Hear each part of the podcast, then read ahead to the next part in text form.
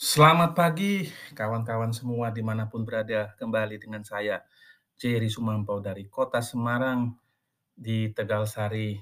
Apa kabar sahabatku sekalian pagi hari ini? Semoga teman-teman, sahabat semua di mana pun berada dalam kondisi yang baik-baik saja dan sehat tanpa kekurangan suatu apa pun juga. Pagi hari ini seperti biasa cuaca agak sedikit mendung dan kota Semarang sepertinya juga akan berawan sepanjang hari ini. Mudah-mudahan uh, hati kita tetap cerah ya, kawan-kawan semua di mana pun berada.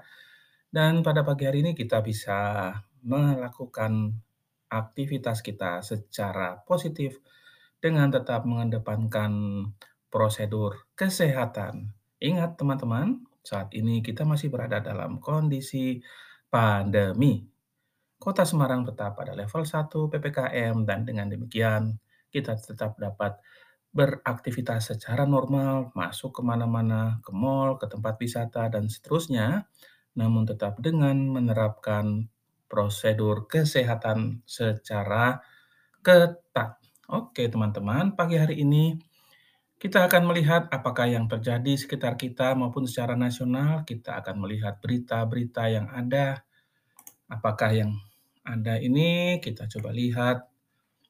Hmm, kondisi teranyar banjir Sintang yang jadi bahan Fadlison sindir Pak Jokowi. Iya, kondisi yang secara alami ini disebut eh, bencana alam ataupun sesuatu yang tidak bisa ya itu sulit ya untuk dicegah ya.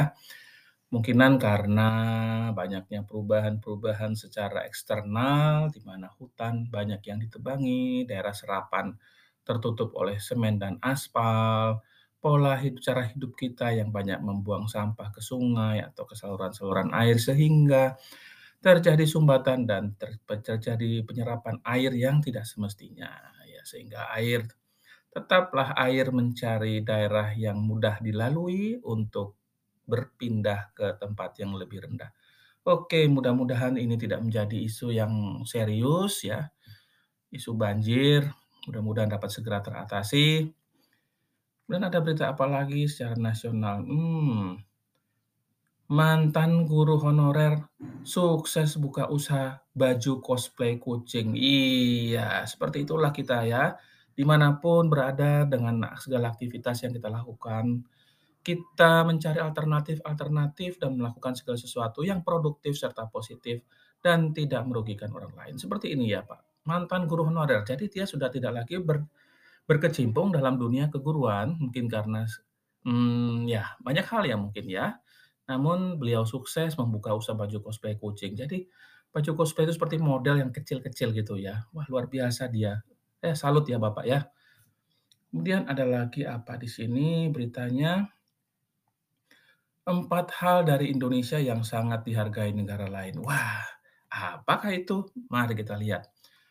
Hmm, Indonesia yang dibanggakan dan menjadi negara kesatuan terbesar ya, nomor satu adalah Indonesia merupakan negara kepulauan terbesar di dunia. Iya, benar sekali. Dengan pulau-pulau sebanyak lebih dari 17.000 pulau ya, baik yang berpenghuni maupun yang tidak berpenghuni, katanya ada sekitar 6 ribuan pulau yang tidak uh, hanya 6 ribuan pulau yang berpenghuni ya, berarti yang selebihnya sekitar 11 ribu pulau tidak berpenghuni. Wah, luar biasa ya, berapa banyak itu yang bisa dimanfaatkan sebenarnya. Kemudian Pulau Jawa adalah rumah yang lebih lebih dari 100 hmm, rumah bagi populasi, setengah populasi Indonesia ada di Pulau Jawa ya. 11,25 juta jiwa berada di Jakarta. Ya, datanya 30 Juni 2021. Jarak dari timur ke barat Indonesia membentang 5.000 km. Oh, luar biasa panjangnya ya teman-teman. Kemudian Indonesia dikenal sebagai daerah dengan ring api atau 100 gunung vulkanik yang aktif berada di Indonesia ya. Puncak tertingginya mencapai 4.000 meter atas permukaan laut ya, tertinggi itu ya. Hmm, 400 gunung berapi dan di antara dan di antaranya 100-nya aktif. 400 gunung berapi teman-teman, 100-nya aktif. Wow, Kemudian kebanyakan sudah go digital. Luar biasa, Indonesia ternyata sudah go digital ya. Kota-kota lain eh, Indonesia ini ternyata tidak gaptek ini sudah sudah go digital. 80% populasinya mengakses platform, mengakses YouTube, Facebook, WhatsApp, dan Twitter. Kemudian ada lebih dari 600 suku dan bangsa. Wah, luar biasa Indonesia memang. Dengan keanekaragaman sukunya ini kita harus Bhinneka Tunggal Ika, berpegang teguh pada Pancasila, sehingga kita menjadi bangsa yang akan selalu jaya ya, menyongsong masa depan di mana persaingan itu adalah persaingan sumber daya manusia. Ya, ada 300 bahasa lokal luar, luar biasa.